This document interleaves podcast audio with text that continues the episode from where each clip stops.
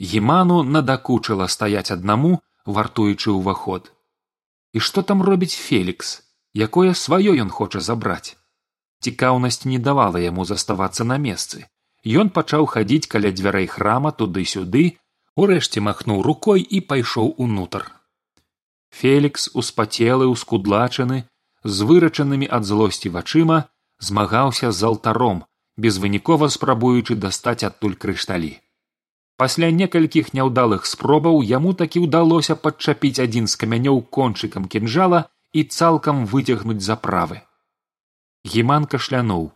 Ягоны начальнік рэзка азірнуўся гнеўна ўтаропіўшыся на яго. Што ты тут робіш? Адказаць гіман не паспеў бо наваколле страсянуў магутны выбух. Ад нечаканасці фелікс уздрыгнуў. І камень выскачыўшы з ягоных рук пакаціўся пад ногі еману. Той павольна падняў крышталь заціснуў паміж пальцамі і здзіўлена паглядзеў праз яго на святло паходні. Сапфір панадна блішчаў. Геман застыў як зачараваны. Дай сюды пачуўся суровы голас фелікса.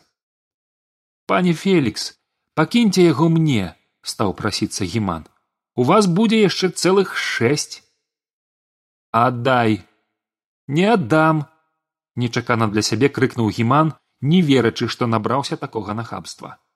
Я захоўнік я маю права на камяні! Гэта не ваша гэта стэфана! У вас жа будуць усе астатнія упарта паўтарыў гіман. Фелікс усё яшчэ трымаючы кінжал наблізіўся да гімана схапіў рукой ягонае запясце спрабуючы выкруціць і забраць камень. Гэта маё прашыпеў трэці захоўнік яны шчапіліся спрабуючы паваліць адзін аднаго на падлогу. Раптам гіман вохнуў камень выскачыў з яго рукі ён з жахам зірнуў на фелікса а затым моўчкі паваліўся. Фелікс падняў сапфір паклаў яго ў кішэню выцер нож ад крыві і скіраваўся назад да крышталяў. Справы ў яго было яшчэ шмат яго чакала цэлых шэсць бліскучых цудоўных самацветаў. Прылеглай вуліцай язь рут і даніэль падабраліся да трохпавярховага будынка што стаяў ля самай плошчы. Яны залезлі на дах і пачалі ўглядацца ў бок вормараўскага войска. Па тым як выглядала карціна ўнізе можна было зразумець што яны патрапілі проста ў яблычак. Порах выбухнуў акурат тады калі трэба столь тунеля абрынулася і гэты шырокі роў праглынуў усе чатыры гарматы. Па бруку засыпаным друзам бегалі жаўнеры зазіралі ў яміну. Да месца выбуху праз ашалелых жаўнераў прабіваўся чорны вершнік на чорным кані. Ці не сам вормар? Пацэлілі радасна сказаў язь добра што людзі жывыя. Я баялася што загінуць прызналася рут я цябе разумею сказаў ёй даніэль але гэта вайна хай і вайна але ж людзі вормар а адсюль ужо можна было пазнаць што гэта менавіта ён дабраўся да рова і саскочыў з каня. Да яго падбег нехта з начальства аддаў чэсць паказаў на яміну развёў рукамі і пахітаў туды сюды галавой. Даніэль паціснуў ясю руку.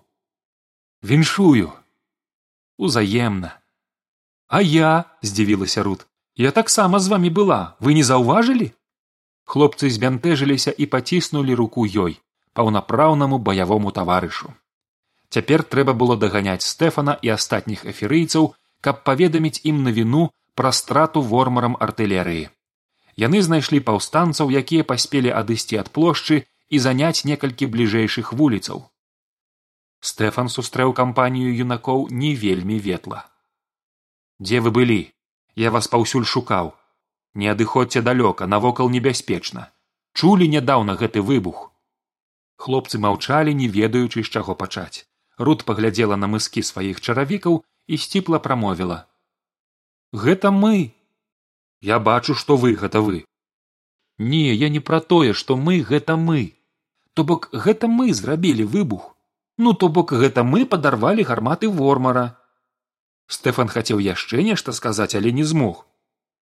У іх было чатыры гарматы сказаў язь цяпер яны знішчаныя. Нам усім трэба тэрмінова вяртацца на барыкады пакуль іх не занялі вормараўцы навіна пра знішчэнне гарматаў надала надзеі людзям якія зусім ужо было надзею страцілі. Быў дадзены загад вяртацца ў цэнтр. Яны выйшлі на плошчу роўна ў той час калі на яе паўночным баку ўзнікла варожае войска заняць месцы на дахах паўстанцы ўжо не паспявалі. Таму ўсе і лучнікі з арбалетчыкамі і проста ўзброеныя мячамі людзі сталі за ўмацаваннямі што перакрывалі цэнтр. Вормараўцы таксама спыніліся. Язь пачуў як там аддаюць нейкі загад і праз імгненне на паўстанцаў паляцела хмара стрэл. Шчыты былі далёка не ва ўсіх. Схавацца за барыкадай маглі толькі першыя шэрагі. Варожыя стрэлы накрылі войска і вялізная колькасць паўстанцаў засталася ляжаць на бруку. Стэфан скамандаваў і людзі стрэлілі ў адказ. Але і стрэлаў у бок вормараўцаў паляцела значна менш і варожыя жаўнеры мелі магчымасць прыкрыцца шчытамі. Гэты абстрэл быў амаль безвыніковы. У авангард цёмнага войска выехаў вормар нешта выгукнуў і падняўшы меч паказаў у бок паўстанцаў тысячы жаўнераў закрычалі і чорнай лавінай рынуліся наперад на штурм барыкады. Лучнікі што стаялі ззаду вормараўскай пяхоты стрэлілі другі раз і паўстанцаў зноў накрыў смяротны дождж. Некалькі мужчынаў каля яся паваліліся параненыя ці забітыя. Язь мог ужо выразна разгледзець твары ворагаў. Яны былі злосныя бязлітасныя поўныя бясконцай нянавісці неўзабаве гэтая чорная хваля абрынулася на барыкаду. Уся прастора выбухнула лязгатам сталі і людскімі крыкамі. Вормараўцы ціснулі наступаючы наперад. Праз некалькі хвілінаў барыкада была імі ўзятая і бой ішоў ужо на ўсёй пазасталай тэрыторыі плошчы. На кожнага з паўстанцаў прыходзілася па тры супраціўнікі. Ясь адбіваўся разумеючы што надзея на перамогу знікае простыя эферыйцы змагаліся з усіх сілаў але іх было занадта мала. Яны пакрысе адступалі пакуль у адзін з момантаў гэтае павольнае адступленне не ператварылася ва ўцёкі. Ясь не чуў ніякага загаду. Ды яго магчыма і не было але раптам амаль усе паўстанцы кінуліся назад. Пабег з імі і язь людзі спыніліся на краі плошчы не ведаючы што рабіць далей войска вормара набліжалася мерна і ўпэўнена. Язь азіраўся ў пошуках стэфана але ні яго ні даніеля з руд ні залатога сцяга эферыі ён не бачыў. У гэты момант язь зразумеў што калі зараз яны адступяць далей то прайграюць назаўсёды. Трэба не здавацца. Трэба пайсці ў атаку. Варыянтаў не было. І ён кінуўся наперад час амаль спыніўся і язь паспяваў заўважаць усе дэталі. Колькі жаўнераў цэліла ў яго з лукаў а колькі з арбалетаў. Далёка здзіўлены твар вормара і тут блізка заклапочаныя твары паўстанцаў.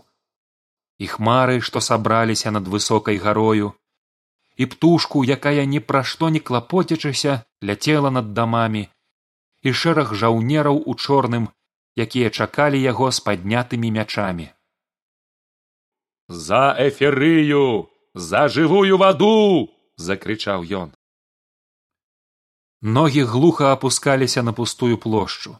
Ён бег адзін. Першая страла праляцела зусім блізка ад пляча. Дзесьці далёка загрукатаў гром. Другая ляцела проста ў грудзі.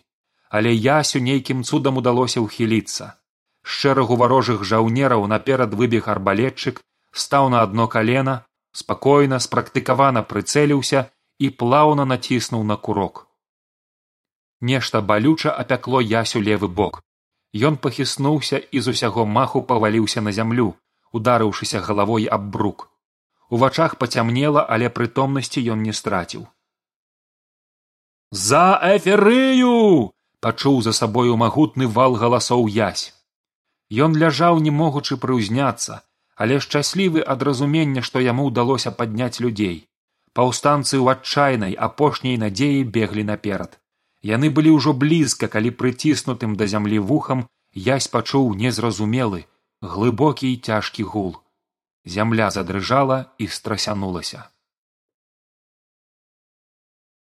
Фелікс сквапна вылузваў кінжалам апошні крышталь. Турмалін ягоны трэці захоўнік пакінуў яго на астатак. Некалькі рухаў і вось ён дарагі даражэнькі у руках свайго гаспадара. Фелікс дастаў з кішэні астатнія камяні. Вочы яго заблішчэлі калі ён перасыпаў іх у скураны кашалёк. Раптам фелікс пачуў навокал глухі гук зямля задрыжала под нагамі і ўвесь будынак быццам штосьці штурхнула. Статуя моцна захісталася і пачала небяспечна хіліцца наперад храм затросся са столі пасыпаўся пясок. Фелікс у жаху паспрабаваў адхіснуцца назад але спатыкнуўся аб цела гімана і паваліўся на спіну. У тое ж імгнення аграмадная скульптура вормара сарваўшыся з пастамента накрыла бездапаможнага трэцяга захоўніка. Эферыю скалануў землятрус зямля расселася і вялікая трэшчына разбураючы і паглынаючы ўсё на сваім шляху паімчала ад самай вяршыні высокай гары ўніз да вертагарда. Яна прайшла праз замак уладароў разбурыўшы некалькі пабудоваў і замкавы мур. Пабегла далей прайшла пад храмам сямі камянёў разламаўшы будынак на дзве часткі затым дасягнула цэнтральнай плошчы. Зямля дрыжала ўсё мацней язь чуў як гул нарастаў і набліжаўся. Ён паспрабаваў прыўзняцца на калені атрымалася. Навокал яго паўстанцы імчалі ў апошнюю атаку. Нейкія жанчыны падбеглі да яго узяліся аглядаць і перавязваць рану. Але ясь не звяртаў на гэта ўвагі. Ён зачаравана глядзеў наперад туды дзе раптам проста пад вормараўскім войскам пачала разыходзіцца зямля шырокая расселена разрывала брук праглынаючы на сваім шляху сотні сотні чорных жаўнераў. Няроўная як маланка яна імкліва набліжалася да яся і паўстанцаў. Але нечакана дзесьці ля сярэдзіны плошчы яе павяло ўлева і яна сышла ў горад па заходняй вуліцы. Вормараўцы звар'яцелі ад страху. Яны проста не ведалі куды падзецца і што рабіць усё гэта адбылося так хутка што атака паўстанцаў не спынілася і вось цяпер ужо яны ўварваліся ў варожыя шэрагі. Пачалася бітва. Войска стэфана адчуўшы ўздым пасля нечаканай перамены утрапёна змагалася і праз нейкі час пачало цясніць ворага. Хтосьці з вормараўцаў яшчэ паспрабаваў абараняцца але большасць не раздумваючы кінулася на ўцёкі. Яны пабеглі назад да замка топчучы адзін аднаго піхаючы скідваючы ў расколену тых хто аказаўся занадта блізка ад яе. Язь заўважыў стэфана. Ён падняў з зямлі згублены паўстанцамі залаты сцяг і пабег трымаючы высока над сабой. За эферыю зноў закрычалі людзі. За эферыю закрычаў і язь але вохнуў ад болю ў баку. Ён паглядзеў на жанчын што перавязвалі яго на рану. Як там запытаўся ён. Будзе крыху балець але не смяротна сказала адна з іх. Калі б пару сантыметраў правей то а так зачапіла язь падняўся на ногі і як мог перамагаючы боль паспяшаў за сваімі.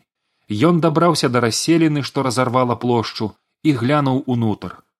Прорва была чорная глыбокая і ў ёй нічога не было відаць ён дагнаў паўстанцаў толькі ля храма сямі камянёў які цяпер ляжаў у руінах. Бой ужо скончыўся. Большая частка жаўнераў вормара была ўзятая ў палон. І толькі рэшткі варожага войска дабраліся да замка. Ясь убачыў рут даніеля і стэфана. Яны таксама заўважылі яго і ўзрадаваныя падбеглі. Можаш хадзіць запытаўся стэфан паказваючы на ясяў перабінтаваны бок. Усё добра гэта табе меч уладароў дае столькі мужнасці усміхнулася рут. Усе пайшлі ў атаку за табой гэта проста цуд што мы выстаялі кіўнуў галавой даніель тут хіба яшчэ адзін цуд дадаў язь паказваючы на глыбокую трэшчыну ў зямлі якая ішла да замка і падымалася за ім на высокую гару. За некалькі хвілінаў да гэтага натан эмиль і марцін панура размаўлялі ў сваёй камеры пра тое што адсюль ім магчыма ўжо ніколі не выйсці. Калі раптам будынак затросся хруснуў і іх камера пазбавіўшыся адной сцяны ад'ехала разам з часткай вязніцы ад астатняга замка. Расселена што прайшла праз замак уладароў разбурыла некалькі гаспадарчых пабудоваў частку муру і надламіла турэмны корпус. Ён разышоўся па абодва бакі трэшчыны некаторыя зняволеныя што былі на першым паверсе змаглі выбрацца на свабоду тыя што былі ў камерах з другога па шосты паверх думалі як гэта зрабіць. Скокнуць уніз не было магчымасці. Гэта азначала знікнуць у прорве. Цяпер трое захоўнікаў глядзелі то ўніз у прадонне то на вонкі на адступленне чорнага войска спрабуючы зразумець што адбываецца. Навука яшчэ не фіксавала такіх тэктанічных зменаў захоплена сказаў натан. Лепш паглядзіце што робіцца там. Падобна на паўстанне і здаецца вормараўцаў бяруць у палон. Вось гэта навіны усклікнуў марцін. І першае і другое дзве часткі вялікай паэмы адказаў эмиль і ў гэтай паэме мне хочацца ўзяць удзел. Давайте думаць як выбрацца адсюль